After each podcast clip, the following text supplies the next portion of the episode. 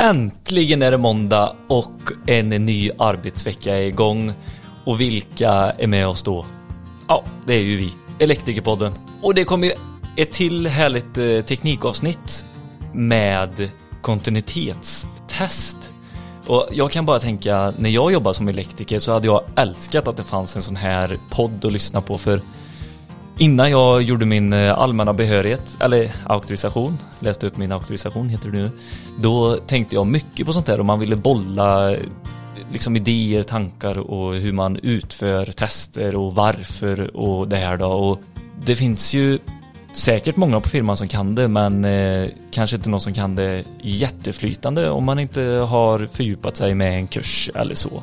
Och det är därför vi är med, för att förenkla eran vardag och för att vi ska kunna vara med, då har vi våran samarbetspartner också som är Elma Instruments. Och de gör ju precis som, som vi vill göra. Underlätta för elektrikernas eh, vardag. Så de har ju skitbra verktyg att använda till just de här eh, installationstesterna som vi pratar om i den här serien. Så jättetack till Elma Instrument. Eh, vill man veta mer om deras instrument så går man in på elma-instruments.com. Ja, så eh, håll till godo och njut av eh, kontinuitetsavsnittet och hoppas att ni lär er lika mycket som jag lär mig av alla de här samtalen.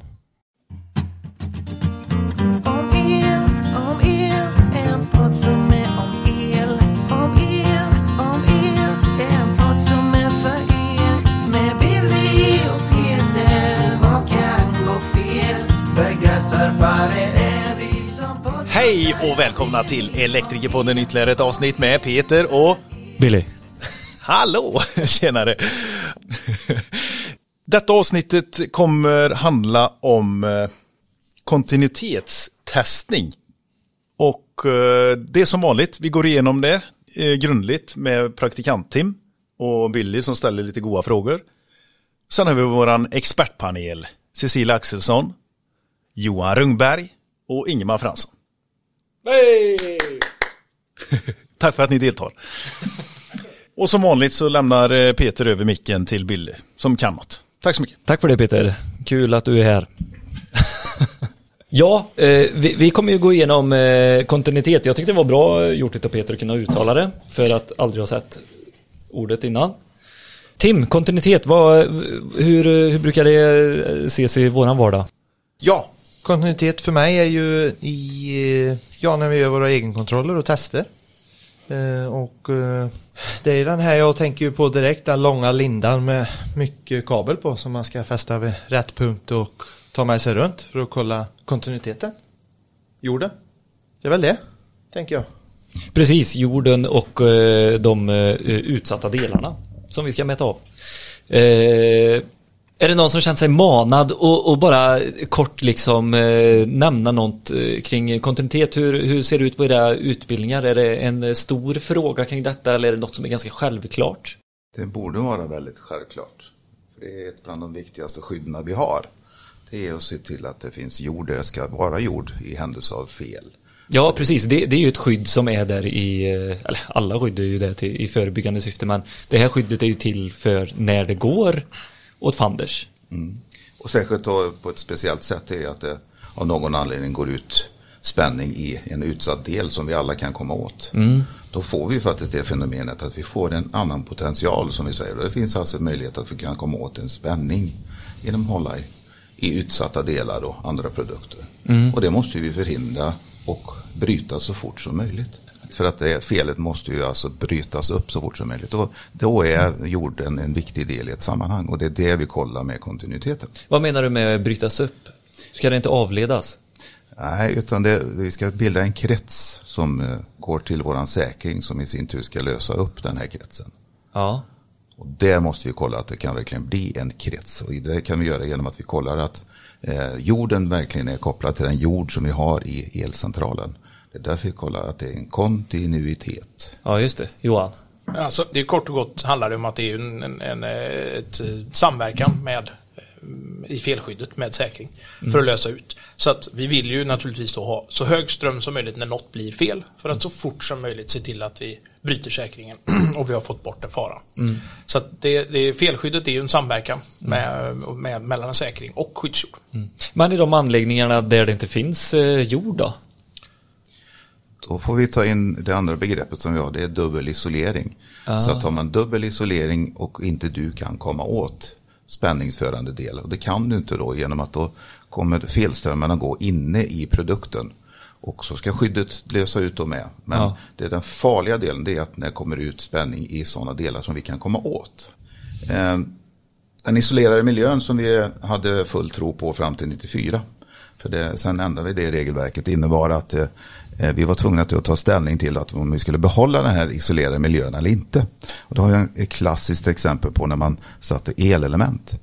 Då eh, tittar man i anvisningarna och förr fanns det bara elelement som var gjorda utifrån klass 1. Klass 1 innebär att man ska ha en, eh, en jord till elementet för att vi ska säkerställa i händelse av fel. Men om ni tänker att det är en isolerad miljö så blir det att föra in en jord i isolerad miljö, det är som att sticka hål på en ballong. För då finns det helt plötsligt möjligheten att det kan eh, gå ström igenom en människa som tar på ett element som har fått ett fel i sig. Och om det nu, gud förbjude, inte skulle lösa upp på den tiden som det ska göra, säkerheten ska gå så fort som möjligt, så blir det att det kan driva en ström emellan en människa som håller i ett element och tar i en diskbänk eller något annat. Mm. Vi har ju ett skräckexempel eh, därifrån eh, han som blev eh, dömd eh, i, var det Lysekil? Lite längre upp i Bohuslän. Ja, det, vart var det? Tanum. I Tanum, precis. Där, där eh, vi kan förankra till vårt förra avsnitt här. Där eh, han inte hade skött sin egen kontroll riktigt. Han hade inte ryggmärgen eller hade bråttom den dagen. Men, och där hände ju precis detta att eh, det stod ett barn på vattenrör och tog ett element som var felkopplat. Där jorden var satt till Ja, de var till de har- utsatt del. Så utsatt del... eh, Att de bytt hade- plats på ja, fas och eh, jord. Kort och gott kan man säga att i det badrummet, om du hade mätt mellan utsatt del och vattenröret så hade du 230 volt. Ja. Eh, och däremellan ställde sig pojken Mm. och blev en ledare. Varför gick inte säkringen där? Det, eh, ja, ni Vad, vad, vet vad ska säkringen göra? Vad krävs för att säkringen ska lösa? Omslag. Det hinner att krypa en ström genom honom innan den reagerar. Ja. Däremot så skulle en jord- jordfelsbrytare kunna göra annorlunda. Men en säkring i det läget kommer inte att reagera tillräckligt tidigt. Nej.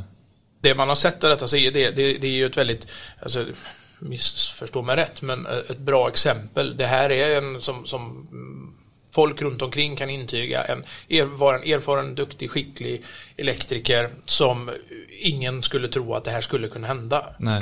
Utan det var bara alla de här tillfälligheterna, allt, alla aspekter som vi alla känner till, att man kan ha bråttom och vad det nu kan vara. Alltså, det finns ingen människa som skulle kunna ställa sig över risken för den mänskliga faktorn i ett sånt fall. Nej. Utan det måste finnas rutiner. Och det är mätning. Det är ju kontinuitetsmätning här. Hade ju upptäckt det här. För han missar ju någonting i inspektionen som är föreliggande. Men inspektion och mätning tillsammans, eller inspektion och provning, ska ju bli ett tillförlitligt skydd. Och Och, han brast det- i båda delarna här. Ja, precis. Och det kanske är lätt att, att brista i en sån installation just vid element där det är kopplingsdosa sitter bakom ett element. Så det här vanliga att man mäter ett vägguttag och sen mäter mot eh, jord för att få 230 volt. Och Som inte är tillförlitligt. Nej, som inte är tillförlitligt. Men den här klassiska som Ja, man gör ja. som eh, är grunden. Ja, Liksom. absolut. Eh, eh, det, det kan du ju inte göra på ett element på samma vis. Eh, Kontinuitetsmätning. Då, då krävs det en kontinuitetsmätning. Och jag är helt säker på att den som har full koll, känsla på detta, vill inte hoppa över den. Nej. och har rätt rutin, alltså vana. Det, det finns i, på, på, i verksamheten, man har instrument att tillgå. Eh, och man har en, en bra rutin, en bra vana på att göra det här. Då, då, eh, då bygger man bort det här. Och där får vi en fråga ganska ofta i verksamheten. Eh, återigen till eh, egenkontrollsystemet eh, eller egenkontrollsprogrammet. Men eh, det här när du går och mäter med ett instrument då, med, eh, när vi kör eh, eh, eurotestaren här, behöver du spara då varenda del som du rör. Alltså du ska eh, kolla alla utsatta delar, element, vattenrör, ventilation i ett rum. Behöver du spara detta då eller hur, hur eh, om vi förankrar till eh, förra avsnittet? Jag kan bara vända på frågan som jag brukar göra då. Ja. På vilket sätt kan du säkerställa att du har mätt alla utsatta delar? Och det är, om vi pratar lite om det här och, och spara resultatet till exempel då som, som en idé för att komma ihåg vart man har provat av. Så finns det ju lite andra eh, instrument som man kan tillämpa.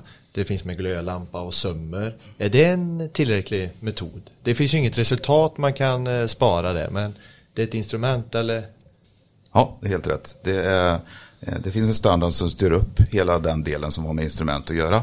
Och då står det vad, vad det, premissen är på det. Och då är det vissa nivåer som man ska upp, till- eh, uppfylla. Och det här är jätteintressant. 350 mA va?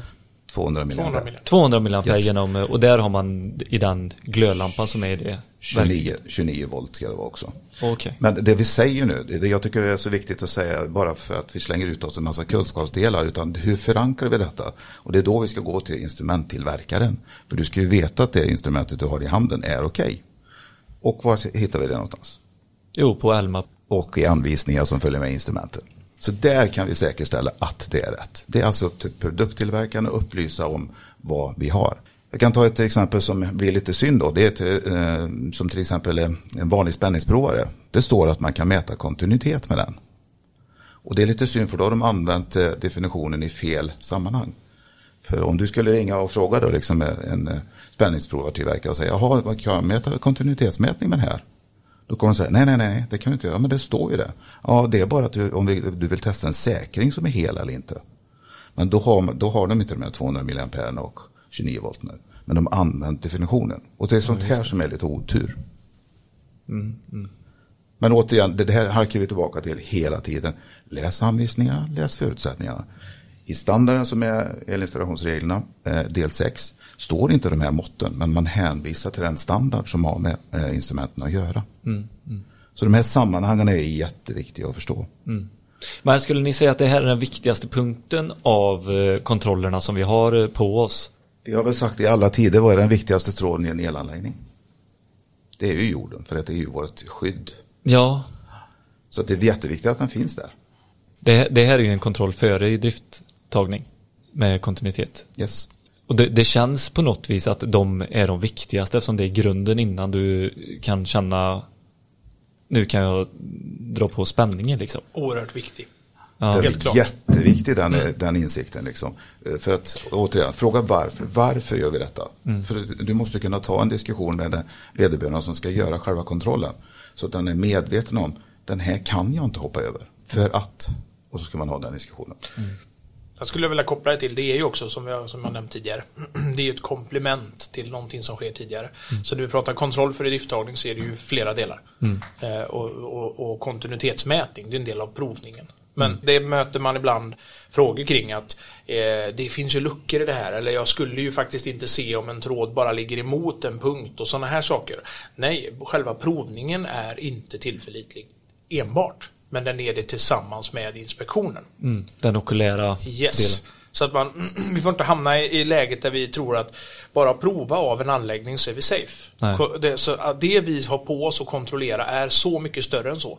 Och då kan man liksom ta in aspekter som kan en, eh, ja, som man sa förr, behörig elektriker, men idag då en, en, en elinstallationsfirma komma och stämma av någonting som en lekman har gjort. Och jag tycker redan här kan man ju ganska enkelt säga nej, det kan man inte. För att kontrollen, som är en del av elinstallationsarbetet, påbörjas direkt när arbetet påbörjas. Val av material och okulärt. Så vi kan använda det här för att faktiskt poängtera varför det är så viktigt att ha rätt person, rätt kompetens från start i bygget av en elanläggning. Ja, skitbra input. Det är en jättebra fråga som, som jag kan tänka mig att många installatörer får också till sig. Att kan ni bara komma och koppla in detta? Jag har förberett allting och dratt färdigt i garaget. Och, men det är verkligen hela delen som man måste ha koll på för att kunna sätta sin kroka.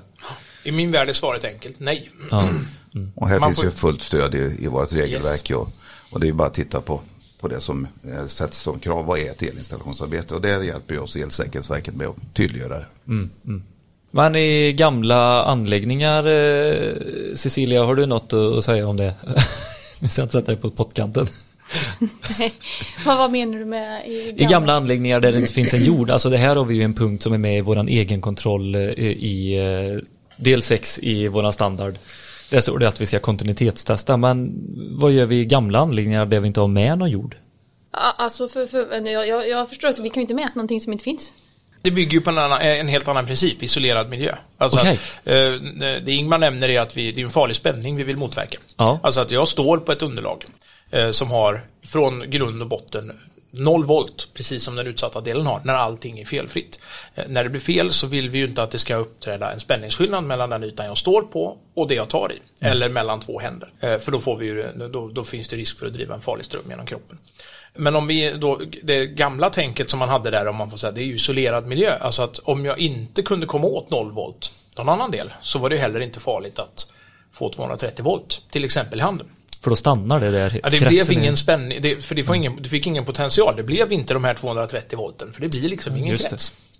Men vi hade det på några ställen, bara för att förtydliga varför. För var någonstans fi- finns det jord i de anläggningarna? Ja, det är ju badrum och kök. Varför då? Är det badrum, är det att det är mycket, man säger ju vatten, men vatten leder ju inte så mycket och så. Är det att du stoppar i eh, apparater? Eh, mycket Du är på apparater? spåret, fast du har rätt, vattnet leder inte. Men kopparrören gör. Ja, så vi hade ju möjligheten att få dem, kontakt med den här 0 volt, Mm. den jordpotentialen. Och då helt plötsligt blev ju 230 volt i en apparat direkt en livsfara. Mm. Därför så är det jordat på de platser där du kan komma åt jordpotential, 0 volt. Före 94 var detta systemet, då fanns inte jorden i eh, toaletter och badrum, utan då hade vi bara rakuttag som vi kallar det för. 110 Då sänkte vi den spänningen, så jorden drog vi aldrig in i badrum, utan det var bara i kök. Köket, ja. Men varför valde man 110 volt där och inte 50 eller under 50 så vi fick en eh, klenspänning? Det förändrade regler under tiden, vi accepterade 110 volt en gång i tiden. Som klenspänning? Ja, Okej. så att det, det har förändrats, vi har höjt de kraven helt enkelt. Ja. Det finns ju fortfarande rakuttag att installera med 110 volt. Då är det en eh, isolations, eh, en, en eh, transformator emellan där. Och kan du sänka det och använda likspänning, då är det faktiskt ac- accepterad nivå. För vi har ju en klenspänning upp till 120 volt DC som är accepterad idag också. Ja, just det. Det är så det funkar. Men eh, det, det, det måste väl fortfarande vara krav på jordfelsbrytare i ett sånt uttag, eller? Du måste ha jordfelsbrytare till ett badrum idag, japp. 110 volt DC. Oavsett vad det är för spänning så ska det vara en jordfelsbrytare till matande ledningar in i, i eh, badrum. Ja. Mm. Det du kan göra det är att transformera ner det ännu mer. Som till exempel om vi kommer till badkar eller något sånt där. Då har vi ännu högre krav på klenspänningssidan. Då får det inte vara mer än 24 volt. En klassisk filmscen är ju det här när man ligger i ett badkar och stoppar eh, en eh, hårfön eller brödrost eller James Bond-filmen när de skickar in någon eh, armatur. Hur, hur funkar det? Alltså i teorin skulle det funka om vattnet är helt rent, så leder inte vattnet. Ja. Sen räcker det att du själv har satt dig ner i det här badet eller du har badsalt eller någon, någon, något medel i, då, då leder ju vattnet. Ja. Men om, om vi, grundprincipen är att vattnet leder inte ström. Men det behövs väldigt liten inblandning av, av, av salt till exempel för att det ska leda. Ja, man skulle, skulle i teorin strömmen gå genom dig som ligger i badkaret om du får en uppifrån? Allt handlar om det blir en krets. Vi måste Ja. tänka, blir det en elektrisk krets? För, att, för att vi ska få en farlig ström genom kroppen, då måste vi vara en del av en krets. Vi måste bli en ledare. Ja, det är man ju oftast inte då eftersom kontakterna måste ju vara närmare varandra i hårfönen eller vad det nu kan vara än du, att du ska vara emellan det va? Det finns en anledning till att vi ser det på film. Ja, ja just det. Ja. Så eh, eh, prova det hemma allihopa. Pass, pass, pass. Borde, Nej, det ska vi absolut inte göra. Men vi har ju pusning och kontinuitet. Nu får vi släppa in Cecilia till det här. Är det, är det, Vad är det rätt Cecilia? begrepp att bla, eh, inte blanda ihop dem men att sätta dem i samma eh, under samma fras liksom? Jag skulle vilja ställa en, en, en motfråga där för att vara lite smått vrång. Ja. V- vad är pusning för dig? Pusning för mig är den klassiska eh, plattan. Vad är, ja du menar en bottenplatta med armering? bottenplatta, jajamän, armering, eh, vad, vad står pus för? Vad är det en förkortning av? Potentialutjämningsskena. Okej. Eller? Potential. vad, vad, vad kallar du den skena då, eh, som sitter under en central till exempel? Vad säger du att det är för någonting? En, Pusskena. Okej, om PUS står för potentialutjämningsskena, är det då en potentialutjämningsskena-skena som sitter under central? Ja. Om det betyder potentialutjämningsskena eller potentialutjämningssystem, det är det ingen som vet. Nej, jag Och- vet inte. Nej, du, nej, nej. Du satte mig jätte på pottkanten. Jag, Ja, nej, men det var ju trevligt. Ja, men, nej, men det är ju, alltså det här är ju, eh, bara för att dra, dra just lite grann om det. Mm. Här är det väldigt viktigt att vi använder oss av rätt vokabulär. Och varför är det då så himla viktigt att vi använder rätt ord? Jo, för att vi, det ska bli tydligt i alla handlingar och så vidare vad vi ska göra och vad vi har gjort. Och i det här fallet då så, vi potentialutjämnar. Och den där skena heter antingen huvudjordningsskena eller jordningsskena. Sen att vi i dagligt tal vi pratar med sinsemellan varann. Det är ju helt okej. Säger du pusskena till mig till exempel. Att, eller att du eh, puser eh, bottenplatta. Jag förstår precis vad du menar. Men i handlingar och så vidare så är det jätteviktigt att det framgår vad menar vi då med det här. Därför underlättar det ju med att använda standardiserade begrepp. Men klipp och klistra under åren har ju gjort att vissa handlingar innehåller saker som är, kanske var lite svåra att förstå. Just inom potentialutjämningsområde så är det här jättevanligt förekommande. ja, verkligen. Och jag håller med dig. Det är, det är svårt att hålla tungan rätt i mun i alla liksom, fackliga begrepp som vi har. Huvudsaken är ju då att vi gör rätt saker och vad vi vet vad vi menar Ja. för någonting. Men eh, å- åter till frågan. Jag, vet, eller jag eh, kände inte, jag fick inte svaret till, till mig. Men eh, går det hand i hand? Det var ju det jag glömde fråga, var därför jag la ut där. Jag kommer inte ihåg vad du frågade om. Jo men det var det om, eh, om kontinuitet och pusning. Är det, eh, är det samma sak? eh, Eller hur, hur tänker vi där? nej, nej, det är inte samma sak. Nej. Sen så ska, bygger det ju på potentialutjämning bygger ju på att saker och ting ska hänga ihop. Mm. Och kontinuitet, då kollar vi ju att saker och ting hänger ihop. Mm. Men de är fortfarande inte samma sak. Nej. Det, det är de inte. Nej. Så du gör potentialutjämning för att du vill att saker och ting ska ha samma spänningsnivå, samma potential av olika anledningar. Och du kan ju kontrollera att du har bra kontakt här emellan genom att du kontrollerar kontinuiteten. Det, och det vet jag faktiskt inte om vi ska ha. eh, Det beror på lite vad ni lyssnare vill. Ni får jättegärna eh, säga där. För jag kan tycka att det är ganska komplext med potentialutjämning. Eh, Du kan, har säkert fått många frågor med eh, vilka typer av byggnader, vilka liksom, bottenplattor bör vi pusa och inte. Eh, och så vidare. Och, och jag kommer ju få på massa frågor nu liksom. Jag, jag vet inte om vi glider ifrån lite från kontinuiteten då. Men Alltså de är, det här hänger ju ihop absolut men eh, frågar du mig så får du ha ett eget avsnitt om potentialutjämning. så, så är det ju, för så pass stort är det. Men jag, jag vet att Tim har en jättebra fråga vad det gäller eh, utsatta delar som har både med kontinuitet och potentialutjämning att göra. Ja, min fråga är ju vad är en främmande ledande del? Till exempel i ett badrum. Ja, främmande ledande del är ju ett begrepp som finns i våra elinstallationsregler. Och det finns ju då definierat vad en främmande ledande del är för någonting. Och det här är ju då någonting som kommer in utifrån och in i våran anläggning. Som kan leda en elektrisk ström, alltså någonting som är av ledande material.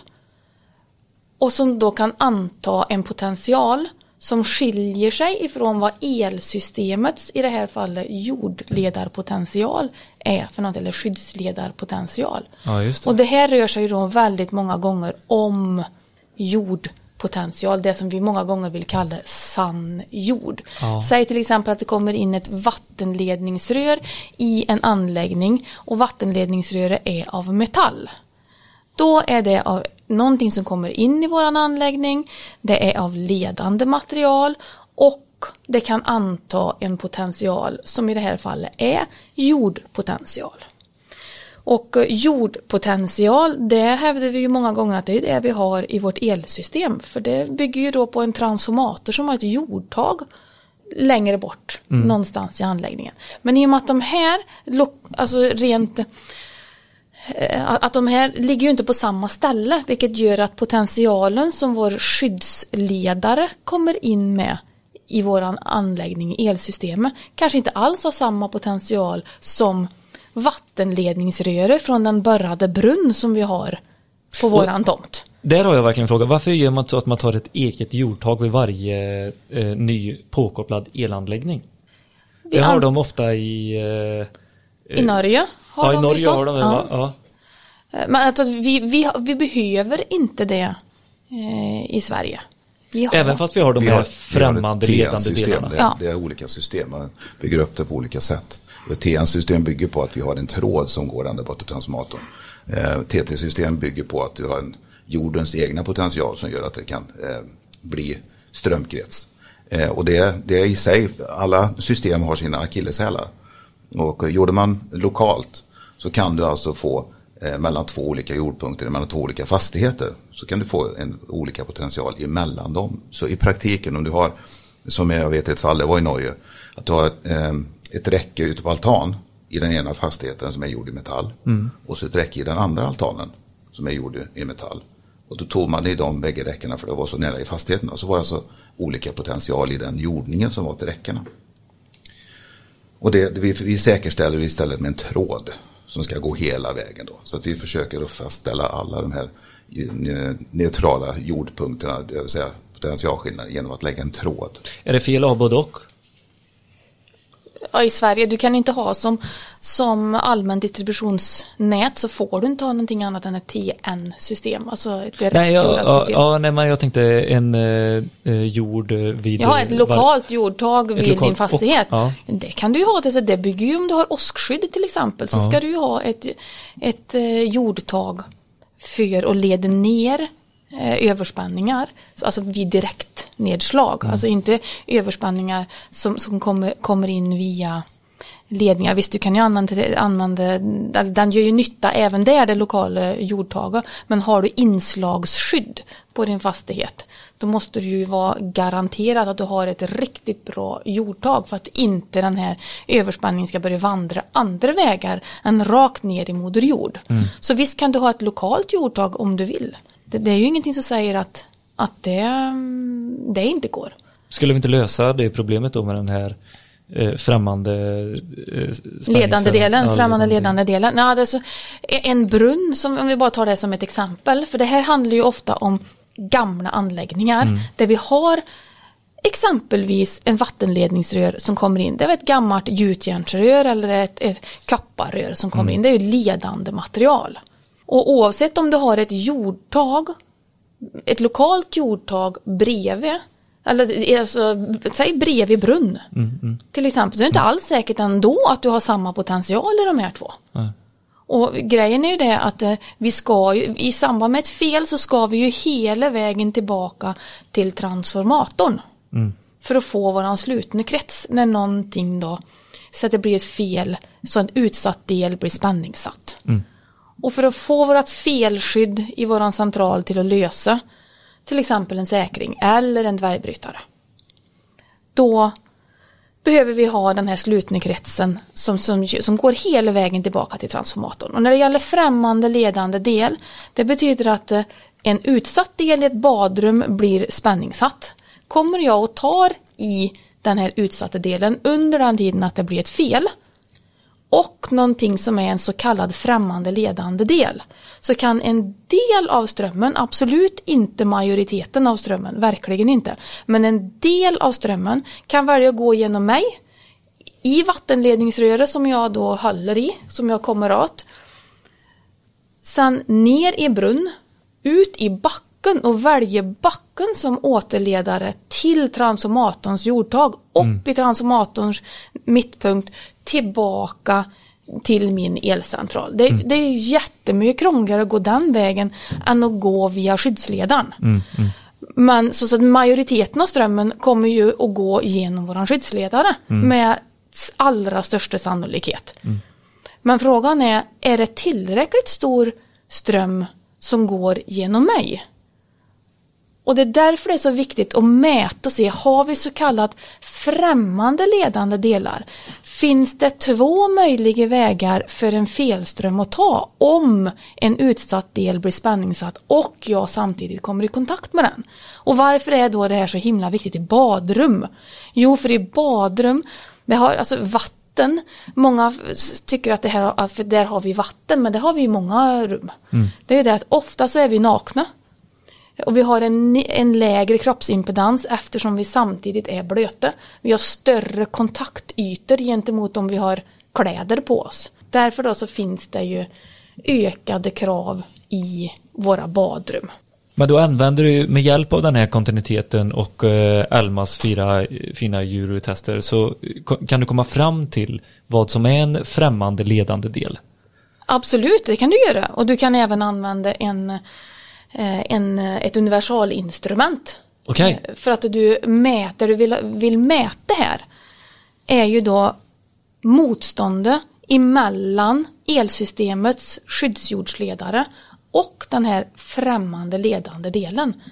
och det, eh, det som vi kallar eh, sann jord, Mm. är det den som vi har in i anläggningen? Ja, sann jord är också sån här, vad, hur definierar ju du det då?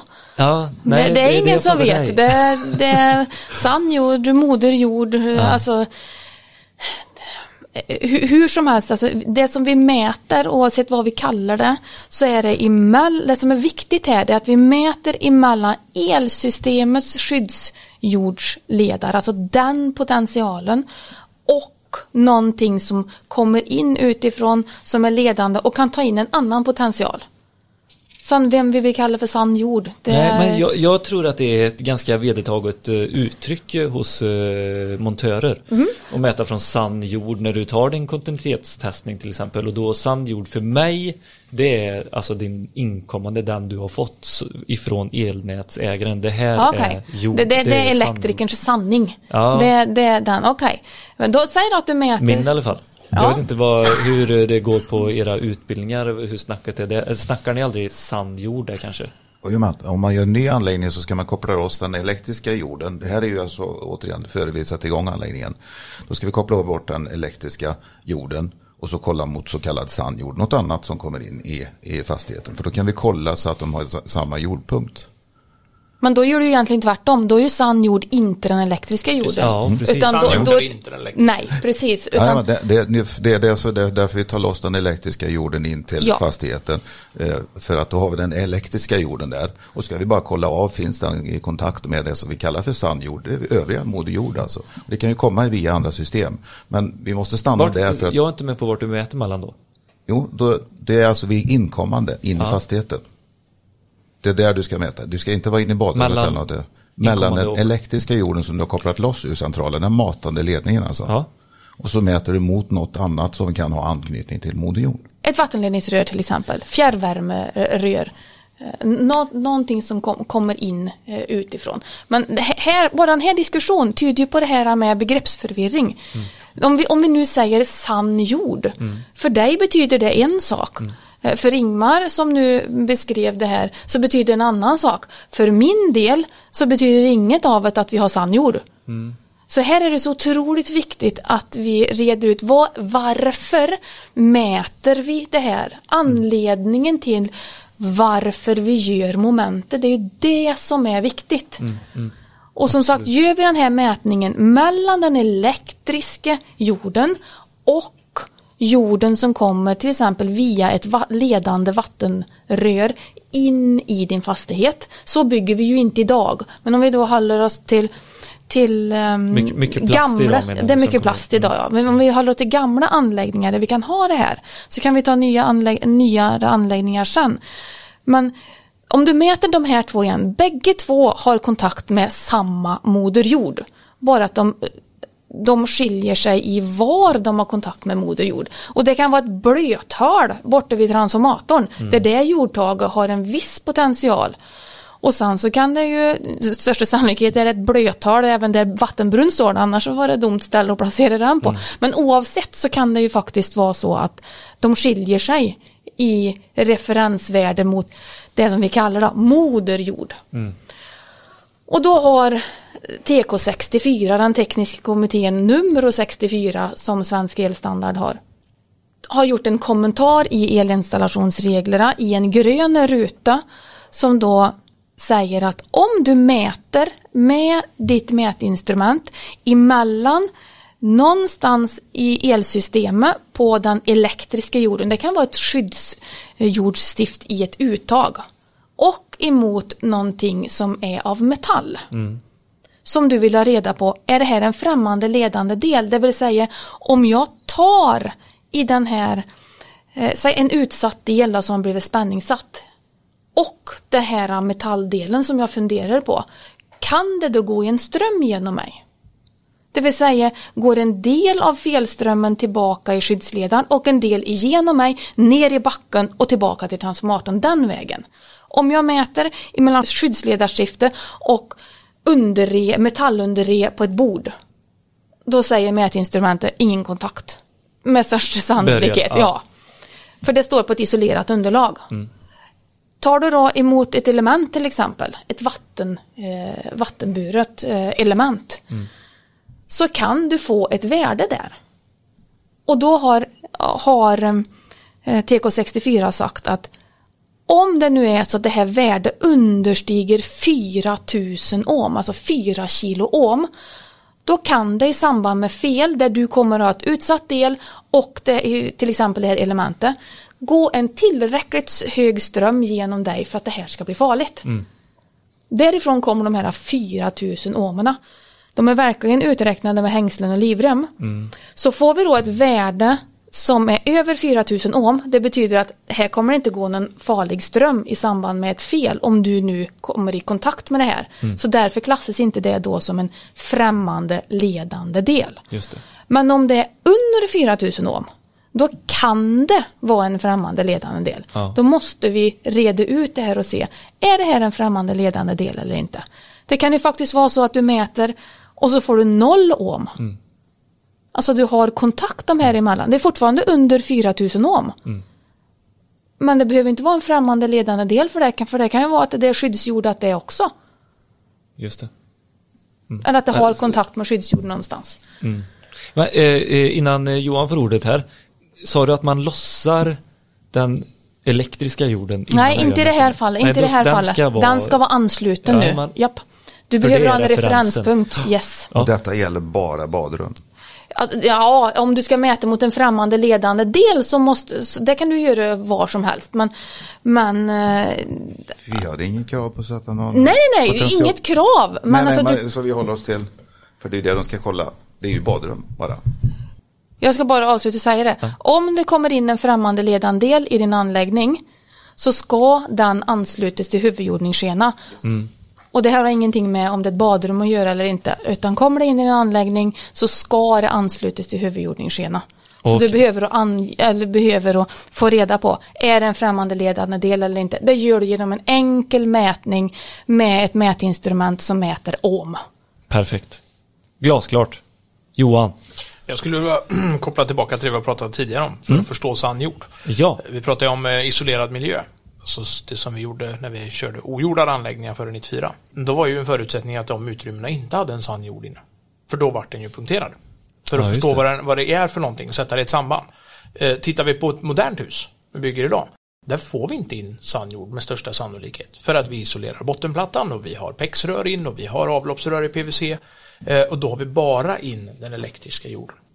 Men bara för att förstå vad det är, så att vi backar vi tillbaka där. Så sann jord, det är om vi skulle få in något annat. Exempelvis som, som, som då kan punktera den här isolerade miljön. Det är en fråga där. Kan man mäta den här kontinuiteten då längst ut, alltså i den ytterst anslutna produkten, till exempel i ett uttag? Ja och nej, du ska mäta alla punkter, inklusive den yttersta. Eh, för att alla elektriker har någon gång på ett vägguttag eh, kopplat in någonting på en X-plint. Även om vi kanske inte erkänner det. Men vi skulle lika gärna kunna ansluta jorden i fel plint eller misslyckas och få med just ett uttag på vägen och ändå få ett godkänt resultat längst ut. Så att vi ska mäta alla punkter. Jag, jag brukar säga att kontinuitet är den enda mätningen som man på något sätt kan påstå är lite omfattande. De andra mätningarna är ganska enkla, en och en punkt som vi kommer till senare. Men kontinuitetsmätningen handlar om att säkerställa alla utsatta delar. Det är inte stickprov, det är inte del för del. Historiskt har det varit det i, i, under vissa förutsättningar, men nu är det alla delar. Så det är jätteviktigt att ta med. Och då får man ta med sig en, eh, det som nu då finns väldigt bra utrustningar till som vi har på bordet här med, med, med en rulle med längre labbsladd eller mätsladd. De flesta har även provat att offra ett, en hundraring med, med FK som bara blir en boll i servicebilen sen va? Men skulle jag kunna göra så här, vi säger i ett eh, trapphus. Så kanske jag har, eh, ja det kan ju vara 7-10 våningar. Eh, kan jag flytta punkten när jag gör min kontinuitetsmätning? Vi säger att först börjar jag ju med från huvudcentralen. Och så eftersom det är långa längder kan jag flytta den punkten då till ett vägguttag, ett, ett bläck i ett trapphus och sen mäta därifrån. Du ska göra bedömningen om du har säkerställt den här kontakten. Och gör du det genom att det underlättas så, så anser i alla fall jag att det är alldeles ypperligt sätt att göra det för att inte ha samma punkt hela vägen utan att jag säkerställer en och så har jag en utgångspunkt på varje våning. Tar vi lägenheter eller vad som helst, då är du inne i varje central och gör det. Så att det handlar ju om att den som utför det måste förstå vad man gör för att kunna göra bedömningen om det är tillförlitligt. Då kommer vi till det här igen med två ohm. Mm. Då bygger vi inte på den kedjan hela vägen alltså. Alltså, det, det, allt handlar om att vi ska ha, det, det, det hänger ihop med dimensioneringen av resten. Ja. Så, att, så att förhoppningsvis får vi hoppas att vi inte har installationer där jordledarna är mycket längre än de andra. Så, och, och det ska vi säkerställa, det är ju en helt annan fråga. Så att det handlar ju bara om att se att den är relevant utifrån den ledningslängden som finns. Så det, de här två ohmen är lite missuppfattning, för det är ju en default hos vissa eh, tillverkare av instrument och andra har andra värden. Men vad, är, vad, är, vad betyder två ohm i sammanhanget? Vi är ute efter att mäta kontakt. Om jag Ja. står och, och mäter en punkt som är liksom tre meter ifrån centralen och får en och en halv ohm, då bör jag reagera. För att vad borde jag ha? Och det är återigen, då är inne på att Men vad, vad är gränsvärdet då om du, eh, den längsta punkten längst bort? eh, Värdet ska vara okej. Om man vill sätta det i ett sammanhang så går ju det naturligtvis att göra. Men det, det är ju ingen liksom att man ska, säga att det är ett okej värde. Men man kan reagera på värdet som Johan säger. Liksom att reagerar man på eh, värden över, ja två ohm är ju absolut. För sätter vi det i ett sammanhang med 230 volt spänning och vi får en krets. Så kommer ju det inte bli tillräckligt mycket med ström till säkringen. Men det är ju en Men det en finns inget förståelse. referensvärde där att Ja, hålla sig refer- till att... Referensvärdet kan du sätta själv. Ja. Eh, Även om tillverkare har ju valt för att hjälpa oss i instrumenten att sätta någonting som per default är grön bock eller ett, ett, eh, kryss. Liksom. Precis. Men eh, om, om vi bara tänker väldigt enkelt så, så, så eh, om vi tar en och en halv kvadrat som är den, den minsta installationsarean vi använder fast eh, så är en 100 meter, 100 meter ledare en och en halv kvadrat är ungefär 1,2 ohm. ja, men plus alla punkter där vi, det, beroende på Ja, om det de är en ska rak ju- längd eller om det är eh, Men om vi, tänker två, om vi tänker två eh, ohm då. Ehm, hur ofta har vi installationer på säg en och en halv kvadrat som skulle vara upp mot eh, liksom, över 150 meter långa gruppledningar? Det finns andra bekymmer med det. Så att två ohm är ett väldigt högt värde. Så att, eh, som referensvärde är snarare så här, ja, men var befinner jag mig? Om vi skulle liksom bara, det är ingen, det är ingen tuff uppgift att ta med sig som, eh, som, som eh, måttstock. 100 meter 1,2 ohm. Är jag inne i en villa till exempel så kan jag utan problem innan jag börjar göra den här mätningen säga till mig själv att jag ska inte över 0,5 här. För det är inte så långa ledningslängder. Nej. Och då har jag det som en referens och till slut blir man ju så pass vass så att man går och mäter. Jag har en 10, en 15, en 20, en 25 för att jag går bort i gruppledningen. Det här är jätteviktig kunskap så vi måste försöka få upp genom hela branschen liksom, så att vi är med i ett sammanhang. Och det är väl där vi kommer till det här som eh, glöms och jag har glömt av det också. Kompenseringen av mätkabeln när man ska göra kontinuitetstestet. Yes. Den eh, kompenseringen är ju egentligen ett, eh, ska du dokumentera instrumentet så är det ju jätteviktigt. Eller så ska man se det som ett hjälpmedel. Egentligen så är det inget konstigt att vi vet att ja, men jag har ju 0,5 ohm med mig i mitt instrument. Och så är det min nollpunkt och jag vet om det och räknar huvudet varje gång. Det är inget fel i det. Men det absolut bästa och, och, och bara man är medveten om det. Vi nollar instrumentet med den mätkabeln vi har. Så det gör man varje gång. Det är inte en kalibrering som ingår i att man skickar in instrumentet ibland. Utan det är inför varje kontinuitetsmätning. Mätning. Men det kan vara ett bra tips till eh, eh, montörer där ute som ibland glömmer man detta Mm. ute i bara farten. En eh, Dymo, klisterlapp eller vad som helst. Eh, den här kabeln är si och så många ohm. För då kan du ju få det i resultatet. Ja, i och för sig nu är det ifall den är inrullad eller utdragen också. Men det, det, jag tror det är en viktig parameter, det är liksom att reagera på resultatet. Ja. Det, det är det som är en viktig kunskap, att reagera på ett resultat. Det, det är då vi får det i ett sammanhang, att det, eh, är, är det relevant eller inte utifrån det som vi kommer att få reda på senare. Att det finns tillräckligt mycket med strömförsäkringen att lösa på. Så det, kan ju man ta med sig liksom som en, som en, grund, eller som en viktig kunskap. Att, Men då är det här som vi har diskuterat nu det sista, då, då är det här, då, det innebär att jorda korrekt. Skulle ni säga det? Och få det här resultatet eh, beroende Det på... handlar om, om vi tar det enkla en enfasgruppen, vi har tre ledare fram. Eh, om, om vi saknar fasen, om vi saknar neutralledaren, så blir det en, eh, en icke-fungerande anläggning. Vi kommer upptäcka det. Men vi kan få en anläggning till synes att fungera utan skyddsjorden, eller skyddsledaren. Så det är därför, det är ju någon, den ska finnas där vid händelse av fel. Och den ska finnas där om 8 år, den ska finnas där om 20 år eller 30 år. Och det är det som är så viktigt, att den måste vi stresstesta innan för att se att den fungerar. Och det är det som är kontinuitetsmätning. Så att vi inte liksom upptäcker det när faran är där. Eh, eh, rekommenderar ni typ i gummikabelinstallation och sånt och alltid göra jorden lite längre vid eh, slitage om den fastnar någonting? Är det något man bör tänka på? Det har ju redan tillverkare löst fantastiskt bra åt oss. Tänk på hur det ser ut i en stickpropp gummikabel eller vad som helst. Ja, men ofta så, är det, så klipper man den lite kortare då bara för att den är lite... Ja, då, då, då hjälpte inte tillverkarens eh, ansträngning där. Man sitter med dubbelskruv. Ja, det är ju för att den också ska vara markerad, för det är ju den viktigaste att få rätt eftersom den kan få sådana katastrofala följder om det blir fel. Ja. Så det finns ju en parameter till. Och som man kan sakna i vissa delar för fast installation, alltså att en tillräckligt markerad plint För, för, för gulgrön. Nej, men jag, jag tycker eh, jättebra. Vi har gått igenom jättemycket matnyttigt eh, med kontinuiteten och eh, för att sammanfatta detta så är det en otroligt viktig del eh, att ha med sig och eh, som jag, jag hade sagt innan jag hörde det här Johan att det här är den eh, lättaste delen att, att göra vid, en, vid ett installationstest. Men eh, där, eh, där fick jag eh, backa. Det är den svåraste Johan. Svåraste vill jag ju förtydliga, att det, det håller jag inte med om, men den är mest omfattande. Ja, eh, kontinuitetsavsnittet är till ända. Alla är fullt medvetna om exakt hur man ska göra nu. Eller? Tror ni det? Vad tror du Johan? Det är nog lite att ta i va, Eh, men det var en bra början. Det är en bra början. Men, men det är ju så här att det här är ju en, det är en kompetensfråga. Eh, och eh, självklart eh, så, så, så tycker jag att man, det här är ju någonting som man, man måste repetera. Och det kanske är så att för många så är det inte bara repetition det handlar om, utan det är faktiskt att gå en första utbildning.